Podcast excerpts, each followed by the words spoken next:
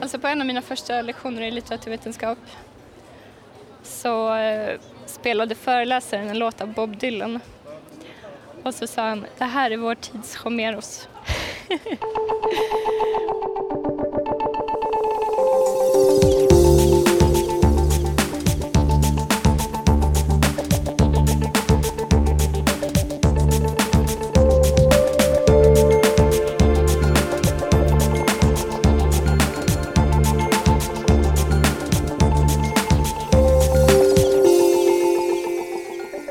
fredag och efter en del serverproblem eh, dags för ett nytt avsnitt av Obiter Dictum med mig, Tobias Nordström och min eh, trogne vapenslagare, Vapendragare vapendragare, Billy Ringard. jag. Ja, tack. Hej. Eh, veckan var det bra? Ja, det har varit en bra vecka, absolut, förutom våra serverproblem. Men nu är vi tillbaka och rullar så att eh, ja, ni kan frossa i vår backkatalog igen. Mm, det är bara att sondera terrängen av gamla avsnitt. Vi tänkte köra ett litet experiment här till den 4 oktober. Det är ju så här att eh, William Gibsons nya roman Zero History har kommit. Så vi tänkte så här att eh, om du har planerat att läsa den, så läs den till den 4 oktober och mejla oss vad du tycker och tänker. För då kör vi ett litet specialavsnitt. Så vi spoilar alltså ingenting, för 4 oktober är en måndag så att även om man inte har ett dugg intresse i Zero History så kan man eh, lyssna på fredagen och sen Precis, det, kommer, det är alltså ett helt fristående litet specialavsnitt om just bara William Gibsons nya bok. det är väl motiverat. Definitivt. Ja. Gibson, är, om vi pratar gemensamma författare så ligger nog Gibson i topp tror jag. Ja, det tror jag också. Och han är ju på, på något vis en slags eh, eh, måttstock på allt som är gott. Definitivt. Men vad ska vi prata om idag? Ja, så småningom kommer vi prata lite om lyrik, eller text i popmusik. Men jag tänkte för vårt första ämne så, så behöver vi, ja, vi behöver liksom sätta stämningen här. Okej. Musik.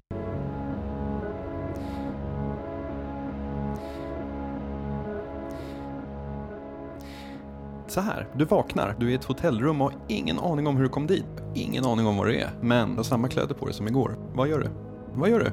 Eh, jag, eh, jag, jag går upp, ser mig omkring i hotellrummet och funderar lite på var jag är. Okej, Jag försöker öppna dörren. okej. Du kommer ner i receptionen och träffar ett par andra som också har vaknat upp där. Så ni går ut på gatan, upptäcker att ni befinner er i en liten stad, liten stad, och det är helt folktomt. Ja, vi försöker väl... Ni försöker ta er bort från stan. Okej. Ni promenerar och precis vid stadsgränsen så säger det bara Jack, Eh, men, Jack? pang. Okej. Det är ett kraftfält. Precis vid the town limits så säger det bara stopp. Och en av de andra som har vaknat upp på hotellet, han är militär och han säger att han har sett den tekniken användas vid riot controls i Irak. Mhm. Pang! pang. Då, ja, jag antar att jag får lov att tro på honom. Okej. Dagarna går, veckorna går. Men jag misstänker också att han är, ja, vet mer än, än vad han utger sig för. Ni eh, försöker hitta olika sätt att ta er därifrån, men eh, det är kört. Men efter ett tag, då, då hittar ni äntligen en glitch. Så ni överlistar det och har stulit en bil så ni kan köra därifrån. Vroom vroom, yay! När ni kör på vägen så kommer ni in i ett starkt lysande vitt ljus och efter nästa sväng så är ni tillbaka vid den lilla staden. Okej, vad, vad händer? Det, här får jag väl ifrågasätta vad, om det här är verkligt eller inte. Bra, för det är precis där som hela tv-serien Persons Unknown faller, redan i andra avsnittet. För de som inte har sett Persons Unknown så är det ingen risk, för det, vi kommer spoila lite här, men tro mig, du vill inte se det ändå. Undvik skit. jag, jag tycker inte att den var så dålig, alltså katastrofalt dålig. Jag tycker det var en ganska så här myspysig serie att ha under sommaren, men Jag gillade upplägget eh, lite grann, men, men jag tyckte samtidigt att rent kvalitativt så fanns det mycket att klaga på.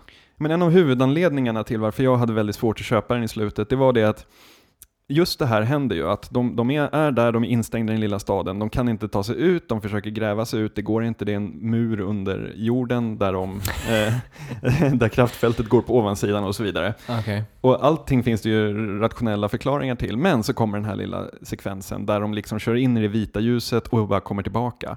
Och mitt stora problem där är att i resten av serien, det är ju 13 avsnitt, och i resten av serien så fortsätter de behandla det här stället som att det är en verklighet, som att de är liksom kidnappade i verkliga livet och ja, att de måste ta sig därifrån. Mm. Det är aldrig någon som ifrågasätter huruvida det här verkligen är en verklighet eller om det är en projicerad verklighet, exempelvis i någon slags Matrix-liknande. Mm. Alltså jag kan köpa på ett sätt att de inte ifrågasätter och det är eh, de här övervakningskamerorna som finns typ överallt i den här lilla staden. Ja, Eh, det, alltså det på något sätt bidrar till en effekt av att eh, alltså om någon be- faktiskt behöver eh, övervakningskameror för att iaktta oss så antingen så är det någon som tittar eller så någon som vill att vi ska tro att vi tittar, eller förstår du vad jag menar? ja. Men när en sån absolut så här paranormal grej händer, Ja, alltså det är ju väldigt konstigt att man i alla fall inte så här ställer sig upp och frågar vad fan, det där borde inte kunna hända. Eller förstår du vad jag Ja. menar liksom? För om vi, om vi hade blivit kidnappade så, så hade vi direkt stannat upp och börjat referera till filmer som Cube, eh, Matrix, eh, Inception Mm. eh, och så vidare. Och det är en bra fråga där. Vil- Vilken, vil- vilka referensramar ska man kunna kräva av karaktärer i en smart, ett smart drama? Mm. Ja, alltså jag tror nog att du får faktiskt gå först här och, Mm. och eh, göra elddopet. Absolut, för det är ju lite så här att varje serie eller varje film, varje franchise så att säga, ehm, lever ju lite i sitt eget universum. Mm. Som i, Batman så accepterar vi ju att Gotham City med alla dess spektakulära brottslingar, det lever i det lilla- Gotham City-universumet. Och i Gotham City-universumet, där finns inte liksom Sherlock Holmes eller George Costanza. De existerar ju inte i det. Däremot så förutsätter vi att George Costanza har sett Star Wars. Ja, jo men det är jag, jo, Det finns ju någon, en gräns någonstans där man liksom, ehm, alltså tv-serier eller filmer refererar ju väldigt ofta till klassiker, alltså någon sån Dickens eller Shakespeare eller något sånt. Men Mm. den refererar väldigt sällan till CSI exempelvis, därför att CSI lever isolerad i sitt universum medan ja, någon annan tv-serie lever i sitt.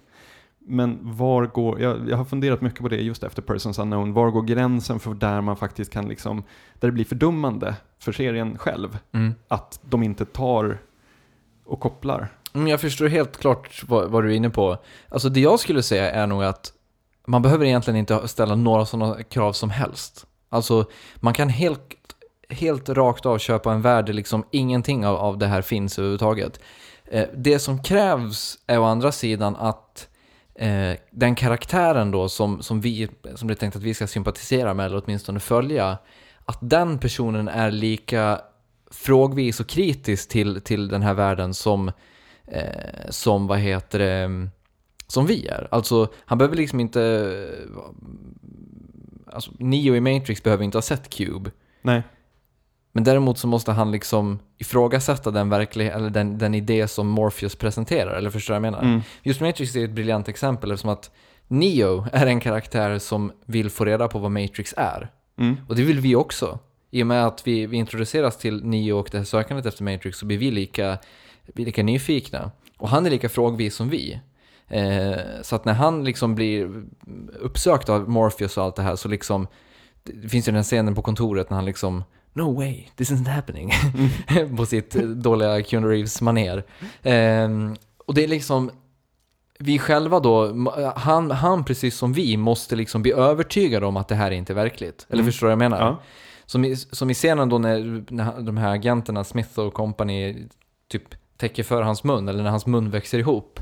Då helt plötsligt börjar han, precis som vi, inse att nej, men det här borde inte kunna hända. Så, att det, om, det är något skumt här. så att om Janet Cooper, som, som serien Persons Unknown kretsar till, om hon hade eh, börjat ifrågasätta, alltså utan referenser, men i alla fall så här, hmm, vänta nu, det här är lite fishy, jag kan köpa det här med kraftfältet och att, att det är någon så här hemlig teknik för att stoppa folkmassor.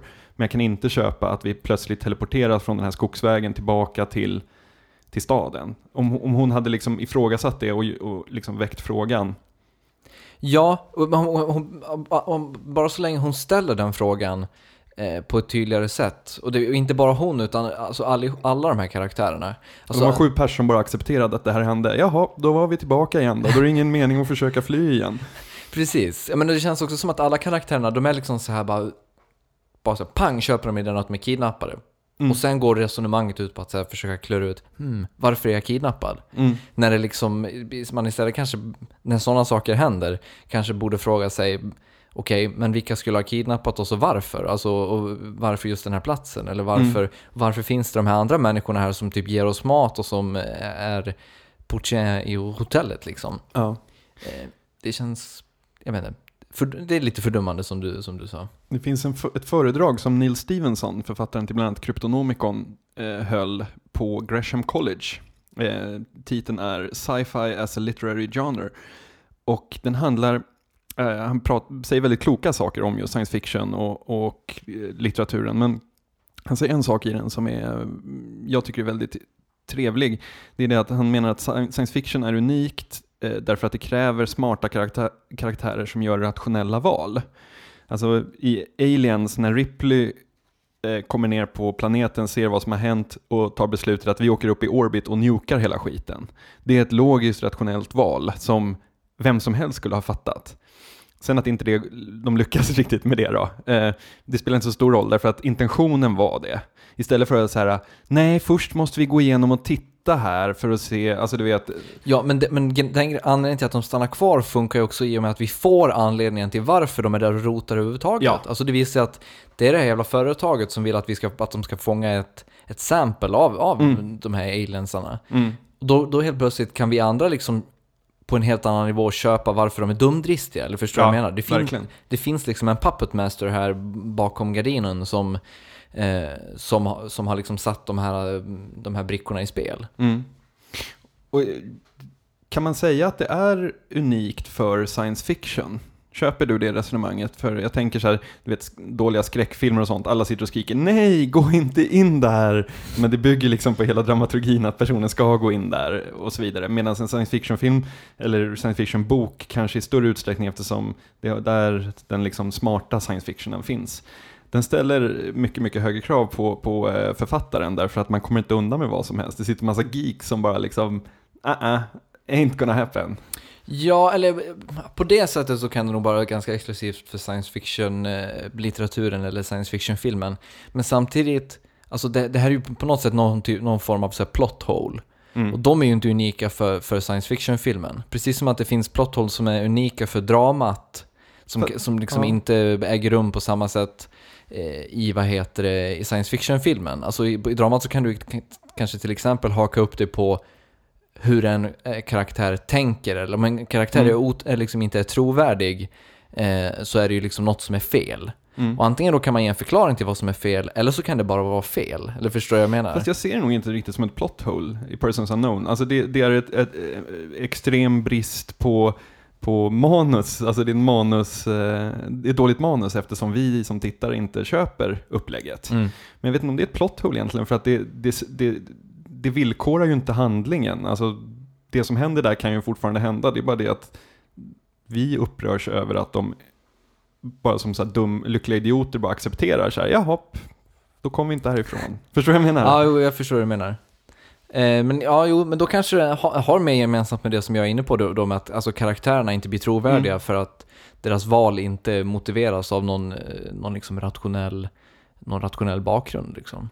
Där kan man ju få in många actionfilmer i det också. Alltså det här, ja, nu kommer jag inte på någon på rak arm, men, men just det här när, när vår muskliga manliga hjälte får en, en förbipasserande kvinna med sig helt plötsligt när han tar skydd i någon trapp och hon måste följa med honom sen resten av filmen. Fast det enklaste för henne vore typ att gå ut och bara överlämna sig till polisen och säga hej, I had nothing to do with this. det var bara en snubbe som drog in mig i en trapp. Förstår du vad jag menar? Mm. Och man är så här, men varför följer du med? Varför försätter du dig i de här? Och det är ju typiskt så här dåliga, alltså ma- m- han kunde inte vara själv. Och Nej, och manusförfattaren kunde inte tänka så långt så att den gav den, den här kvinnokaraktären någonting investerat i att vara Nej. kvar. nej, Det, det är ju det är ju som du säger, det är ju, det är ju i grunden ett dåligt manus det, det, Mm. det, det bygger på.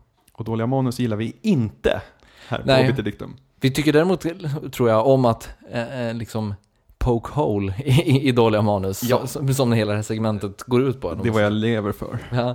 Men du var ju, nämnde ju Cube där. Mm. Cube är för mig det liksom ultimata exemplet eh, på en film där, vad heter det, eh, jag vet inte om, det finns ett namn för den här genren, men det här när man vaknar upp på, på en plats okänd och du vet inte vad, hur du kom dit, vad du gör där, eller vad det är för plats. Mm. Eh, och där, där, det, eller du vet inte vad det här är för verklighet du befinner dig i. Där är Cube mitt absolut, absoluta favoritexempel av den anledningen att alla som är där i den här kuben är där bara för att överleva. Eller förstår du vad jag menar? Mm. Och det enda som styr dem är viljan att överleva. Därför att det enda de har framför sig, det är en massa rum. Och de vet att det finns fällor i de olika rummen.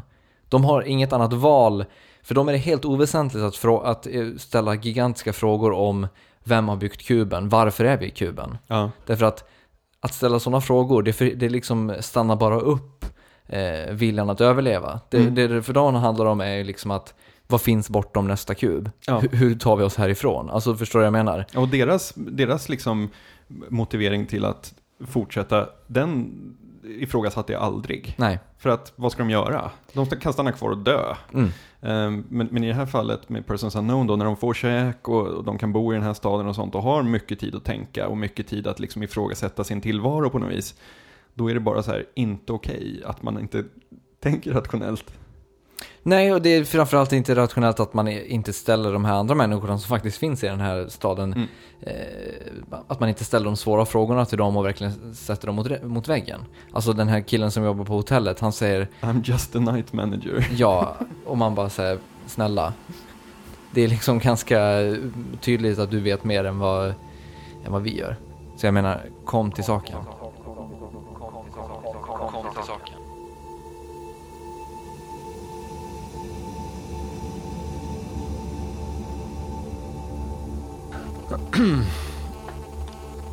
Okej, bara paus två sekunder. va? Ska bara samla mig.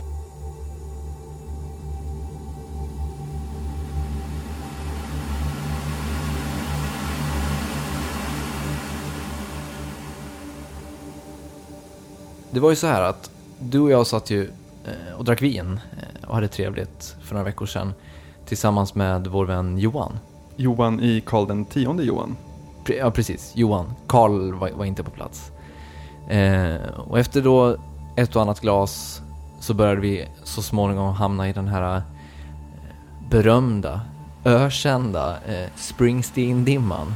Alltså den här när skygglapparna åker av för allt vad god smak innebär och man går in och frossar i den gamla gubbrocken och bara njuter av diverse svulstigheter. Och mellansnack på lajvar. Framförallt mellansnack på lajvar. Gamla bootlegs. Just den här kvällen så, var det, så lyssnade vi på Springsteens introduktion till The River eh, som finns med på hans liveskiva. Ett fanta- en fantastisk inledning. En stor sentimental berättelse där han vid ett tillfälle berättar om Sin relation till sin far, sin relation till sin flickvän, sin relation till Vietnamkriget och hur han eh, stod i en telefonkiosk hela natten och pratade med sin flickvän för att han inte ville gå hem. När vi har lyssnat klart på det här så sitter vi och funderar, vi pratar och helt plötsligt så kastar Johan in en hård brasklapp. Vad var det Johan sa? Ja, han höll en liten rant om hur dagens artister inte kan göra den sortens låtar på grund av internet. Och eh, vi har bett honom utveckla lite grann vad han menade fast eh, utan rödvin. Nej, men det är väl också just den här alltså, bilden som målas upp av att en människa springa ut i kylan och gå bort till en telefonkiosk som ligger tre kilometer bort för att ringa sin tjej eller sin någon tjej. Det är ju på något sätt en mer romantisk gest och mer en större ansträngning i allmänheten att logga in på, på Google-mailen och, och liksom se om gubben är grön. Men det är väldigt svårt att veta om, det har med liksom, ehm, att man själv har någon sorts romantiserad bild av det eller inte. Men, men, men det är klart att det det känns ju som ett så här starka uttryck för någon sorts längtan eller liknande. Att, att man allt som på något sätt kräver en större ansträngning blir också lite vackrare på något vänster. Det, det kan man inte komma ifrån. Alltså jag säger liksom inte att texten har blivit bättre, så här, var bättre förr i allmänhet. Men just kanske den här sortens, den kärlekskranka texten på något sätt. Där man, där man känner sig helt eh, hopplös och utlämnad och vet ingenting. Den, den, den var trovärdig för. Okej, okej. Eh, ska vi försöka sammanfatta vad han sa, i princip att det är mer romantiskt att eh, gå där ute i kylan och eh, stå i telefonkiosken än det är att eh, chatta.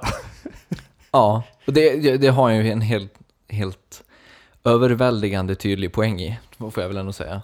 Men han säger ju också att dagens låtskrivare därför inte har något vettigt att berätta. De har liksom inte levt livet, de sitter hemma och, framför Google. Han implicerar det åtminstone och ja, alltså, jag förstår vad Johan menar. Alltså, den här gamla eh, rocklyriken som Bruce Springsteen står för är väl eh, den representeras nästan bara av han och hans, han och hans gelikar idag.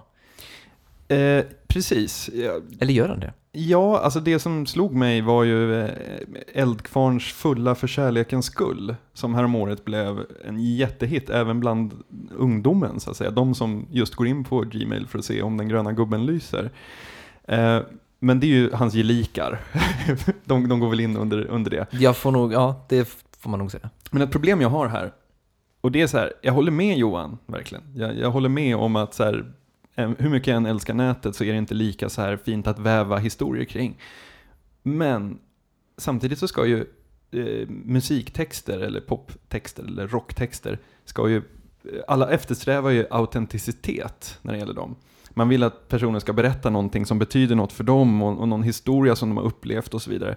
Och idag då, när man faktiskt kan bli dumpad med ett sms, om, om man ska skriva en låt om den där dumpningen, alltså då måste det ju skickas ett sms.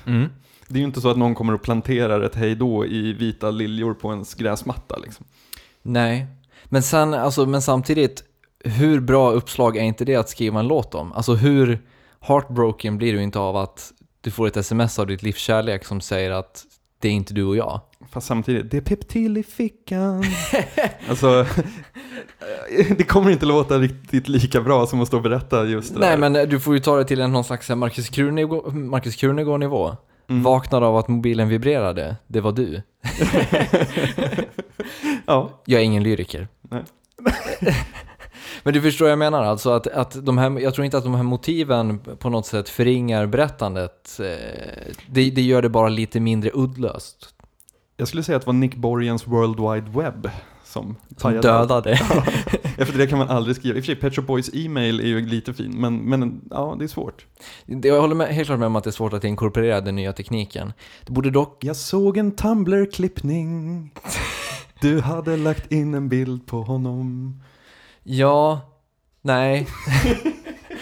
Eh, ja, men, men man kan väl ändå säga att, vad heter det, alltså det skrivs ju fortfarande bra texter. Mm. Det, det går ju inte att förneka. Nej, Eh, och det berättas väl fortfarande bra historier, gör det inte? ja.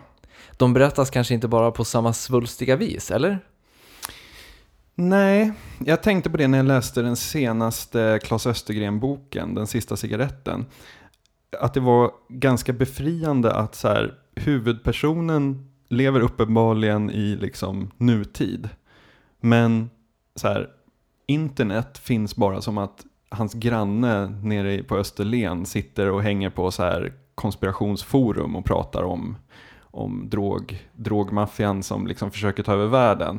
Och det är liksom det enda som, som, som internet Alltså, det, jag tyckte det var väldigt bra hanterat att så här, det är inte så att man stänger dörren och är så här, ja, vi låtsas som att det är 1890 och att det är Hjalmar Söderberg som har skrivit boken, fast den är satt i nutid, om du förstår vad jag menar. Mm. Utan man, man förstod att det var nutid eftersom internet fanns och så, men huvudpersonen använder det inte.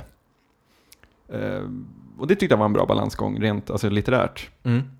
För på något sätt så, jag vet inte, när man sitter med Twitter och med bloggar och sådär, jag menar hur kul hade det varit om en, en eh, polis i en polisfilm går in på Flashback och läser? Ja, det hade, alltså det hade ju självklart blivit ganska så här, eh, alltså datamotiv överlag är ju svåra i, att, att, att få till bra i film. Internets skumraskvarter. Ja, det är ju ett lysande exempel från eh, Obiter Dictums tidiga dagar. Eh, Men eh, jag skulle även säga liksom, som, som när liksom Män som hatar kvinnor kom för något år sedan. Mm. Ro- Roger Ebert skrev att alltså, han hyllade ju verkligen datascener i den, därför att här, det var, han, sa, han pratade liksom att det är kanske första gången han ser ett riktigt datorgränssnitt som används. Mm. Liksom. Och det är väl på något sätt det att när man i populärkultur och även litteratur i stort vill fånga internet så vill man liksom fånga, inte som internet är på riktigt, alltså det här slösurfandet, det här liksom eh, när man kollar på 30 YouTube-klipp på raken som inte handlar om någonting, utan det man vill fånga är liksom samma essens som finns i den där Springsteen-historien när han står i telefonkiosken i tre timmar och pratar med sin tjej och fryser och, har, och viker upp kragen på sin skinnjacka. Mm. De sakerna finns ju där. Mm. Men de blir ingenting utan att ha en förankring i någon slags vardag. Förstår du vad jag menar? Ehm, Du märkte också att vi började prata om musik och sen gled över på litteratur och Roger Ebert. ja, tyvärr. Det är ett vanligt symptom här. ja, tyvärr. Men, men samtidigt, alltså det men om om du försöker gå tillbaka, till musiken så eh, det, jag tror att det är därför det, det är svårt att ehm, att göra de här storslagna sakerna i, i musiken också kring någon slags ny kommunikation. Alltså för att de stora sakerna äger, även ifall vi använder ny kommunikation, så äger de stora sakerna inte rum i den kommunikationen. Alltså, och även om vi blir kommunicerade att någon är förälskad i oss, eller att någon vill göra slut med oss, eller någonting sånt genom den, så tar fortfarande eh, den stora emotionella skiftningen, eller den stora emotionella reaktionen, tar fortfarande rum i rummet du befinner dig i. Jag tror också att det handlar lite om eh, ansträngningen som krävs. Alltså om, om jag går in på en Facebook-wall och postar någonting. Eh, det jämfört med att du vet, köpa något fint brevpapper och handskriva ett brev. Eh, du vet, det är en helt... Alltså det, det finns... Det, datorkommunikationen är någonting som vi gör hela tiden oavbrutet. Eh, vilket gör att det inte får samma betydelse när man faktiskt gör det. Mm. Men, men hur skulle du säga, du pratade om eh, Claes Östergren här. Eh, om man säger att vad heter litteraturen har en ganska tydlig koppling till, den här, till det här inledande Springsteen-exemplet. Hur skulle du säga att kopplingen ser ut idag mellan litteraturen och musiken i så fall? Egentligen är jag nog fel person att svara. Jag, jag, jag, eh, jag tror du har någon som är bättre. Jag har ju det. Eh, jag har nämligen pratat lite grann med Promise and the Monster om det här, alias Billy Lindahl. Jag har hållit på ganska mycket med eh, poesi när jag har eh, läst estetik och eh, litteraturvetenskap. Jag tror att mitt intresse för poesi har att göra med musikalitet. Alltså på det sättet som jag läser en dikt, alltså det beror ju såklart på vilken sorts poesi det är. Det är inte när jag läser eh, kanske Bernstein eller Ukon som är så här helt geniala poeter. Men när jag läser Ann Adelund kanske till exempel, som jag har hållit på med ganska mycket, så läser jag hennes dikter precis på samma sätt som jag lyssnar på musik. Det handlar ju om klanger och färger och att man låter sig liksom sköljas över lite grann.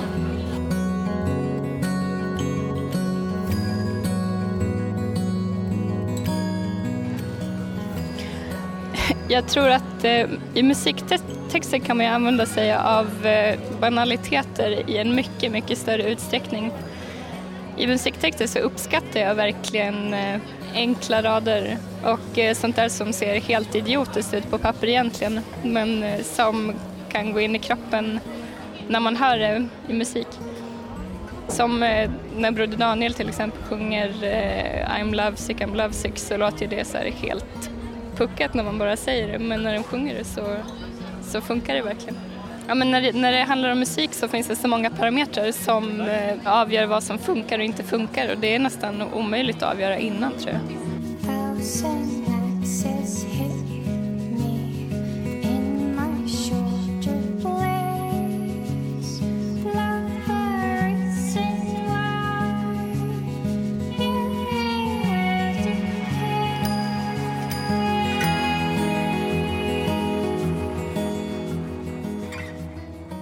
Men eh, sådana textrader eh, är nog lite svårare att komma undan med om man skriver en diktsamling. Men, eh, ja, men samtidigt som jag kanske vill skriva någonting som är, som är stämningsskapande så vill jag ändå alltid ha, ha något störande element där. Men jag tänker, du är ju även utbildad litteraturvetare. Hur, hur tror du att det Men hur tror du det på, påverkar din syn på um, hur, alltså hur tror du att din roll som eh, att du har läst litteraturvetenskap påverkar din syn på, eh, på musiktexter? jag tror att det spelar ganska stor roll i, eh, i mitt eh, eget eh, textskrivande.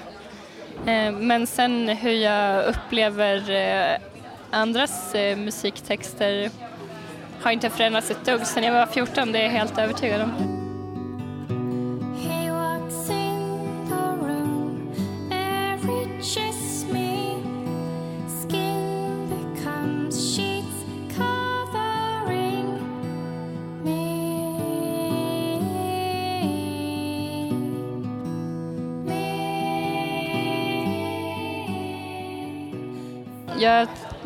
Tror absolut att de här eh, stora berättelserna eh, och eh, klassiska narrativen kanske inte mm, har så stor, så stor plats i musiklyriken nu som det hade förut.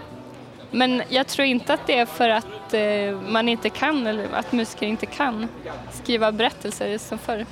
Jag, jag tror att eh, just det här gamla sättet att eh, berätta kanske känns eh, eh, lite, för, eh, lite för stelt på något sätt.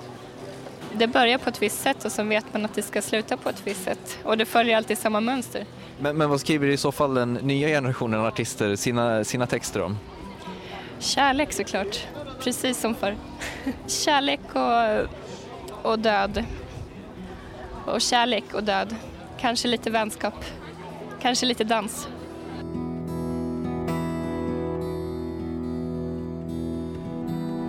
Kärlek och död. Och kärlek och död. Och död. Och kärlek och död.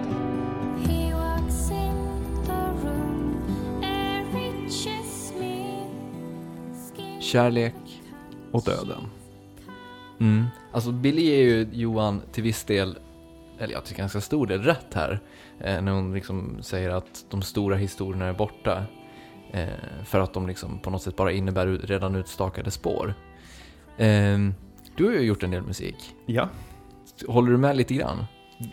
Du Alltså- kanske inte säga jätteemotionella texter, Nej. men Alltså, jag är nog fel person att uttala mig om det, alltså helt ärligt. För, för eh, ja, det, ja, det är inte falsk blygsamhet när jag säger det, men det var mer, handlade mer om att här, hitta fina ljud och lägga ovanpå varandra och loopa och göra små låtar av, än att skriva. Jag skulle inte säga att jag satt och skrev låtar. Okej. Det, det, hade, det, det, tar liksom udden från de som faktiskt sitter och skriver låtar.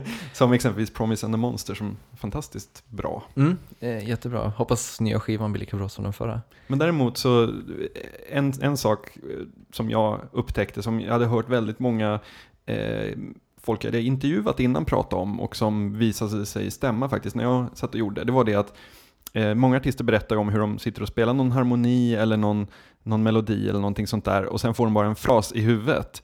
Att, ja men som Robins Dancing on my own berättade hon att den kom till så att hon, hon liksom får textraden Dancing on my own eller konceptet att stå och dansa själv Mm. får den i huvudet och det blir bara uppenbart att det är det här låten handlar om. Och det upplevde jag också flera gånger, att jag satt så här och sen helt plötsligt så när jag sitter och nynnar någon slags sångmelodi bara för att ja, ha någonting, så kommer bara en fras någonstans ifrån och bara ja, men det är självklart det som det här handlar om.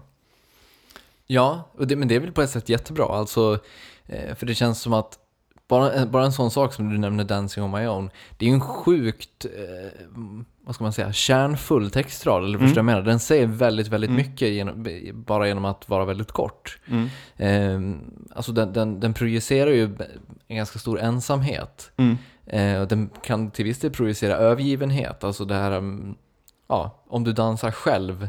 Eh, och det är ju verkligen on my own, det är inte liksom själv jag är stark, utan det är nästan ett övergivet själv liksom. Ja, Eh, så det är ju liksom en, en textrad som är helt värd att skriva en hel låt kring liksom. ja. Och det, det tror jag det är, gäller väldigt många av de här exemplen. Ja, Just, just att hitta en sån nyckelfras och sen väva saker kring. Mm. Så försöker jag jobba när jag skriver, eh, skriver artiklar. Alltså man lägger ner sjukt mycket krut på den första meningen. Mm. För om den sitter så vet jag att liksom resten kommer sitta. Alternativt sista meningen. Alltså man försöker hitta en nyckelfras någonstans som bara känns jättebra och som kommunicerar allt jag vill säga. Mm. Och då har jag absolut inga problem att få ihop resten av artikeln. Mm. Men uppskattar du kryptiska musiktexter? Typ gammal Olle Ljungström och, och sånt. Exakt. Ja, alltså det, det fina med den är ju lite det att den kan betyda precis vad som helst. Mm. Jag, tog, jag var svensklärare en gång faktiskt, i en femma.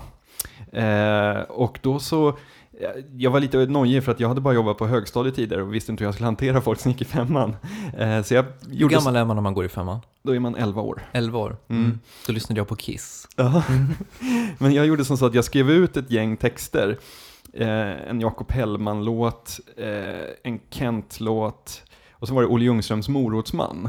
Och anledningen till att, och en, en Pontus och Amerikanerna-låt. Och anledningen till att jag inte kommer ihåg exakt vilka av de andra artisterna, vilka, vilka låtar det var, var just för att svaren man fick på Olle Ljungströms Morotsman, Mm. åh, fantastiskt. Jag bad dem bara skriva liksom några meningar, vad tror du att den handlar om? Mm. Och just eftersom Morotsman är så himla knäpp, eller knäpp, den är liksom, ja, det är en morotsman. Ehm, så, så fick man de mest fantastiska svaren från de här femmorna. Ehm, och det gillar jag. Alltså jag gillar det här kryptiska när det faktiskt, man kan välja off. själv, man kan välja själv vad det betyder. Mm. Den här låten betyder för mig att det här. Ja, Olle Ljungström är en fantastisk, eh, vad heter det, lyriker. Eh, jag skulle även säga att Kent är ju experter på att skriva så här, kryptiska texter som alla förstår, om, du Ja. förstår vad jag menar. Alltså eh, texter som, som får en helt egen mening för i princip alla som lyssnar på dem. Eh, jag kommer ihåg när, när, när Kent, alldeles innan de släppte Tillbaka till samtiden, eh, deras förrförra skiva, så vad heter det, spelade de live på Aftonbladets webb-tv Mm, från ett hotell i New York. just det. Eh, och då sa Jocke Berg, eh, och jag tänker inte prata engelska, utan, men han sa då översatt till svenska att ja, jag, för, jag förstår att eh, de flesta av er här inte förstår våra texter. Men det är lugnt, det gör inte de svenska lyssnarna heller.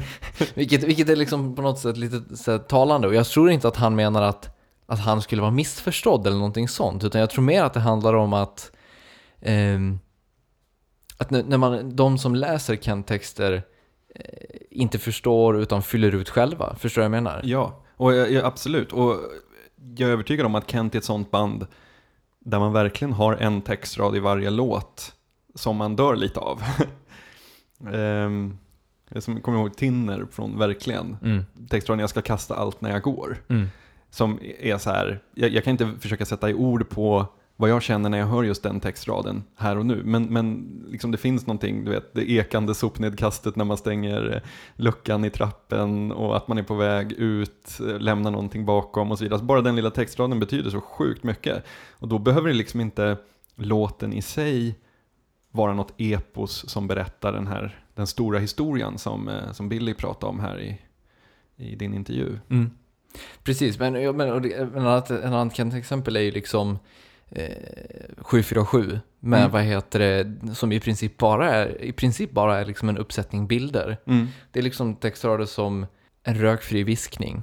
Mm. Som liksom sen inte har, de- sjunger, det är exakt vad vi vill ha. Det är liksom så här, vad, vad är en rökfri viskning? Det, Ja. det är liksom ingenting egentligen, det, men det Nej. är väldigt vackert. Mm. Eller det luftkonditionerade ljudet av fart.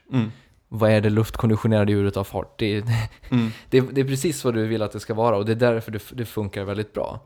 Innan Kent släppte Verkligen så hade Linda Skugge i dåvarande Expressen Fredag hade en lista på så här Kent-titlar från nästa album. Och då så var det en som var Jag tryckte R2 inom parentes, det var ingen där. Vilket jag tyckte var en extremt bra alternativ Kent-titel. Det är en eh, fantastisk en titel. Som också anspelar på, eh, inte da, ja, dagens teknik, använder man det fortfarande i AXE telefonväxlar? Att man kan trycka R2 och växla samtal? Nej, det kan, jo det kanske man kan. Fast nu känns det som att alla använder mobiler och parkerar sina samtal. Precis, det har varit- en fin tidsmarkör från 96 liksom när Ja, helt plötsligt kan hela Sverige använda i och för sig, det finns det något poetiskt i att parkera ett samtal också. Verkligen. Eh, men, Det är kanske är det vi får börja, vi parkerar podcasten när vi avslutar sen. ja, eller hur? Eh, den läggs i viloläge liksom. men, eh, men vad heter det? Om jag ska försöka ge mig på någon slags strukturalistisk analys av musiktexter eh, så får vi se om du köper den här. Yes. Eh, och jag, alltså jag, det här är liksom ingen absolut kategorisering, men jag har någon slags tes om att det finns tre stycken eh, utkristalliserade kategorier av låtar.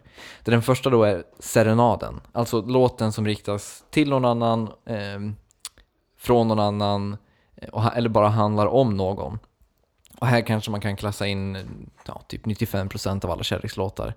Eh, alltså det är när- när liksom musiken talar om en person eller direkt till en person, eller låtskrivaren. Ett ett givet exempel för mig är Mauro Scoccos Himlen som handlar om hans morfar eller farfar tror jag. Eh, eller eh, Joy Divisions She's Lost Control, eh, när de liksom berättar om den här kvinnan som får ett epilepsianfall. Eh, eller varför inte Robins, vi var inne på Robin tidigare, Robins Be Mine, som är liksom Mm. eh, bara, som är liksom ett långt rekviem eh, om det här liksom förlorade förhållandet i princip. Eh, kategori nummer två är gestaltningen. Eh, och det är här, eh, här kanske man kan placera in 747 just, alltså den, den, den här illustrativa texten som snarare ämnar fånga känslotillstånd och bilder än, än att liksom berätta någonting eller liksom för, förklara sin kärlek eller sina känslor för någon. Eh, och det är väl här, anledningen till att jag placerar 747 här är även även liksom för att det är här det finns möjlighet till att ha den här kryptiska lyriken. Och det är även här jag tycker mig se tydligast kopplingar till vad, vad poesi ofta är. Alltså där det liksom handlar om att trycka på emotionella tillstånd snarare än att berätta saker. Mm. Andra exempel skulle kunna vara eh, Joanna Newsoms Sprout and the Bean som är helt fantastisk. Eller Håkan Hellströms Nu kan du få mig så lätt. The Smiths känns som. Det är så här Ja. ultimata gestaltningsbandet. Mm. Som har, Räk, räknar du in typ såhär, såhär The Clash's Know Your Rights och så här kamp? ja, men, ja, men det, Ja. Det, det, det är absolut ingen dum idé. De, de passar nog också här. Mm. Eh, och sen har vi liksom slutligen då, eh, som vi kanske inledde med, kategorin berättelser. Alltså här, här finns det liksom ett tydligt utarbetat narrativ där liksom karaktärer tar form, eh, platser tar form och en hel historia berättas. Om det är en countrylåt så har den alltid ett förnamn som William! Jolene. Ja. det fin- finns många exempel. Ehm, och här, liksom, här är texterna ex, eh, de är extremt konkreta men ändå väldigt motivladdade. Eh, och här finns det nog en, en, en likhet med, med, med liksom litteraturen i form av romanen. Alltså, det är liksom berättelsen, det, och även en tydlig röst. Alltså, vad heter det, sångaren som berättar av den här historien. Vi har redan nämnt Springsteen. Eh, Jag skulle även vilja placera en Kents Mannen i den vita hatten här 20 år senare. En av mina absoluta favoritlåtar. Eh, eller varför inte Markus Krunegårds Hjälp, som också är den här historien liksom om... Jag får bolla upp Gyllene Tiders Billy eftersom jag har fått så här text, textrader från den sjungna till mig under så här 20 års uppväxt. Hur har det känts? Ja, sådär alltså. Sådär. Men du kanske har fått ett sunt förhållande till Gyllene Tider? genom- Mycket sunt. Ja. Extremt sunt förhållande till. Eh, Men eh, fråga kolon, eh, till den här sista kategorin. Mm. Jag, när jag satt och tänkte efter så var det, ploppade väldigt mycket män upp som Mm. exempel. Mm. Skulle du säga att, att den här historieberättandet tillhör männen? Tillhör är ett starkt ord. Eh, det- Domineras av? Domineras av gör det garanterat. För det är väl den här liksom, du vet, sitta kring elden och gråta med en gitarrprylen. Som så här från Sydamerika och alltså den här mannen med gitarr som gärna plockar fram eh, sin gura och, och sjunger till någon så här gammal kärlek. Och berättar den långa historien. Eh, eller någon död cowboykompis. Ehm,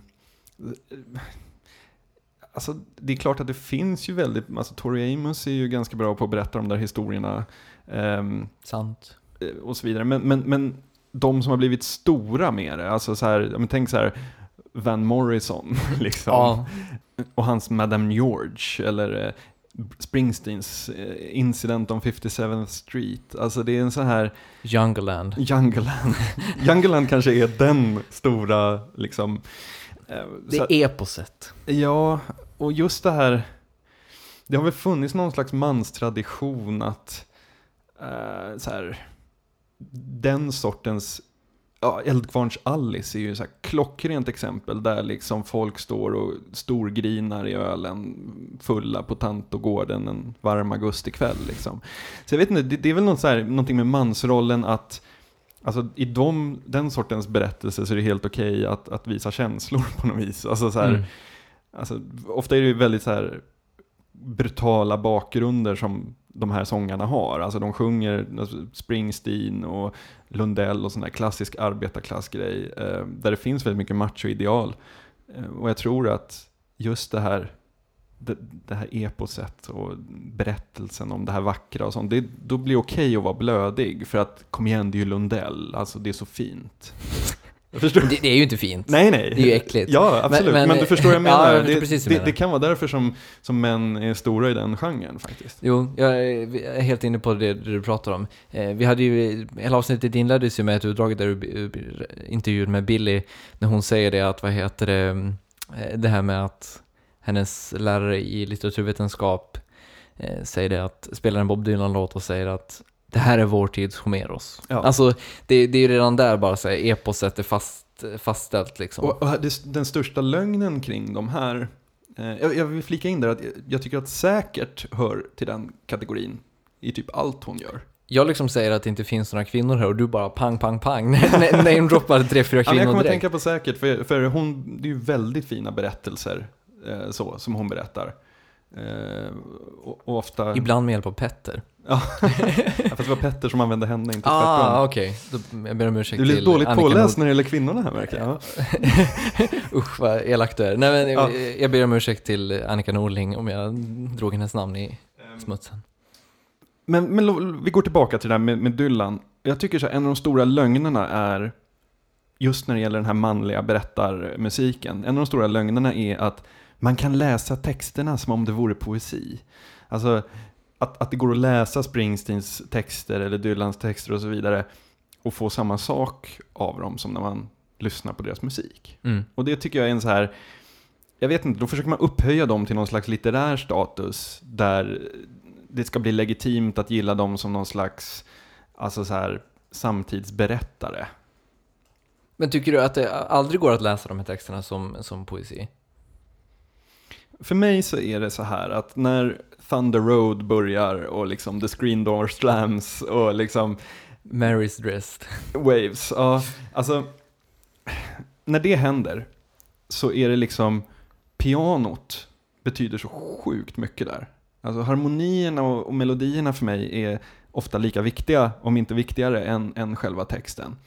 Och eh, jag har extremt svårt att rycka saker ur sitt sammanhang. Jag kan se så här, om vi återgår till så här Incident on, on 57th Street.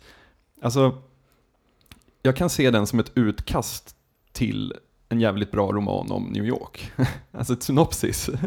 Eller liksom, jag kan se den som någon så här konceptsketch för att så här, den här filmen ska vi göra. Men däremot så tycker jag att texterna aldrig, eller mycket, mycket sällan fungerar.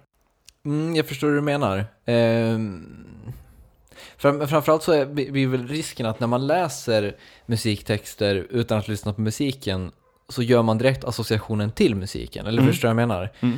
Eh, och jag vet inte, det, det, det, här, det här med att, att text, alltså det här med att det skulle vara något självändamål att texterna ska kunna stå för sig själv, det blir väldigt bedrägligt på något sätt. Mm. Alltså, vad, vad skulle vara meningen med det? De, de är ju liksom inte skrivna i det syftet, de är ju liksom skrivna för att vara just musiktexter.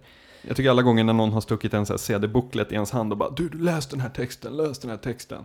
Och man bara, jaha, de rimmar how med now. Ja. Men samtidigt, alltså Arcade Fires nya album kom ju nyligen. Mm. Och det är faktiskt ett, vad heter det, det är nog, vad heter det, första gången på väldigt, väldigt länge som jag faktiskt har liksom suttit och läst texterna eh, utan att ha låten på i bakgrunden. Mm. Eh, av, av flera anledningar tror jag. Ja, Men Sprawl 2, Mountains Beyond Mountains, Ja. låten som både du och jag älskar och som jag är väldigt tacksam för att du tipsade mig om, för annars hade jag nog missat den. Eh, det som får mig att älska den texten, det är det att låten har ett sånt, den är arrangerad på ett sätt som gör att det känns som att den lyfter hela tiden. Mm. Det känns som att den bara liksom blir ösigare och ösigare och ösigare, egentligen händer ingenting, för det är Nej. liksom så här harmonierna de jobbar med. Och det är det att så här, de staplar liksom bara den här misären på alltså, detaljslut, utan det är bara, alltså, Men hjälp, jag, alltså jag är helt övertygad om att, jag, håller, jag är helt med på det du beskriver här, och jag, men jag är samtidigt lika övertygad om att det är texten som lyfter den här känslan. ja, Alltså när, definitivt. när, när hon sjunger Dead shopping malls rise like mountains beyond mountains and there's no end in sight. Alltså, Mm. Och sen där- därefter så lyfter låten Ja. och igen. Ja. Alltså, Förstår du vad jag menar? men, Att- men och där, bara i de bilderna så har Mm. du ju liksom det här den här monumentala stadsbilden av, av förfall, av eh, av liksom någon slags så här, liksom dekadent neon eller vad man ska säga. Fast om du går in på så mypoetry.com och läser det där av någon så här random person som sitter och har tonårsångest. Alltså, tycker du att det är lika fint då? Det, det är ju en helt omöjlig fråga att besvara. Ja, absolut. men men, men ja, jag, förstår, jag, förstår, jag förstår vad du menar och det, det gör jag ju garanterat inte. Nej. För, för jag funkar som sagt så att jag kan läsa texter när jag har ett förhållande till musiken. Men att Bob Dylan skulle vara Homeros, nej. Ja, jo, nej, jag, jag håller helt klart med. Men samtidigt, eh, jag vet inte, vi- nu har vi dissat Springsteen i, i några minuter här. Nej men alltså, det, vi har- vi har det är egentligen ingen diss, för det börjar ju med att vi sitter och dricker rödvin Ja. och liksom bara blir helt så här Det är det som är grejen. Jag, gråtfärdiga av honom. förhållandet till Springsteen blir ju alltid ambivalent. Dels Mm. för att han är den här gapiga gubben, och å andra sidan för att hans texter är ju i många fall helt, helt fantastiska. Ja, absolut. Jag, jag, jag dissar inte hans texter, men däremot så dissar jag tanken på att de här Alltså männen som tar med sig gitarren på godståget och åker runt och besjunger sin verklighet. Precis. Att, att de skulle ha någon slags litterära kvaliteter. Exakt. Det, är- det är helt enkelt alla, alla kvacksalvare som följer Dylan och Springsteen i fotspåren som är problemet snarare än Dylan och Springsteen. Ja, Mm. Det Jo, tycker jag. Precis. det är dags för postscriptum innan vi tar och parkerar den här podcasten. Ehm, och jag vill börja med att tipsa om lite musik som är ganska långt bort från Dylan och poesi. Det är nämligen så här att Square Pusher, Tom Jenkinson, han har bytt namn till Shoba Leader One. Och eh, om man trodde att Square Pusher var så gräsligt hemskt som musik kan bli så är det nog ingenting mot vad Shoba Leader One är. Så vi länkar till eh, hans nya video då får väl jag vara antitesen och faktiskt eh, tipsa om en bok om Bob Dylan. eh, det är en bok av litteraturprofessorn Heinrich Detering som heter just Bob Dylan, men som är en väldigt insiktsfull eller åtminstone intressant analys av Dylans verk och hans eh, ja, konstnärskap helt enkelt. Om inte annat så är det väl kanske kul att läsa en bok om Dylan av en professor i eh, komparativ litteratur. Och eh, synpunkter etc. skickas med fördel till kontakt oddpod.se. Och du är som vanligt välkommen att lämna kommentarer på vår blogg oddpod.se. Och vi ses igen om, den om en vecka med den långa podcasten, men redan på onsdag kanske blir ännu fler fruktade ljud. Vi kan alltid hoppas. Vi ses. Tack så mycket.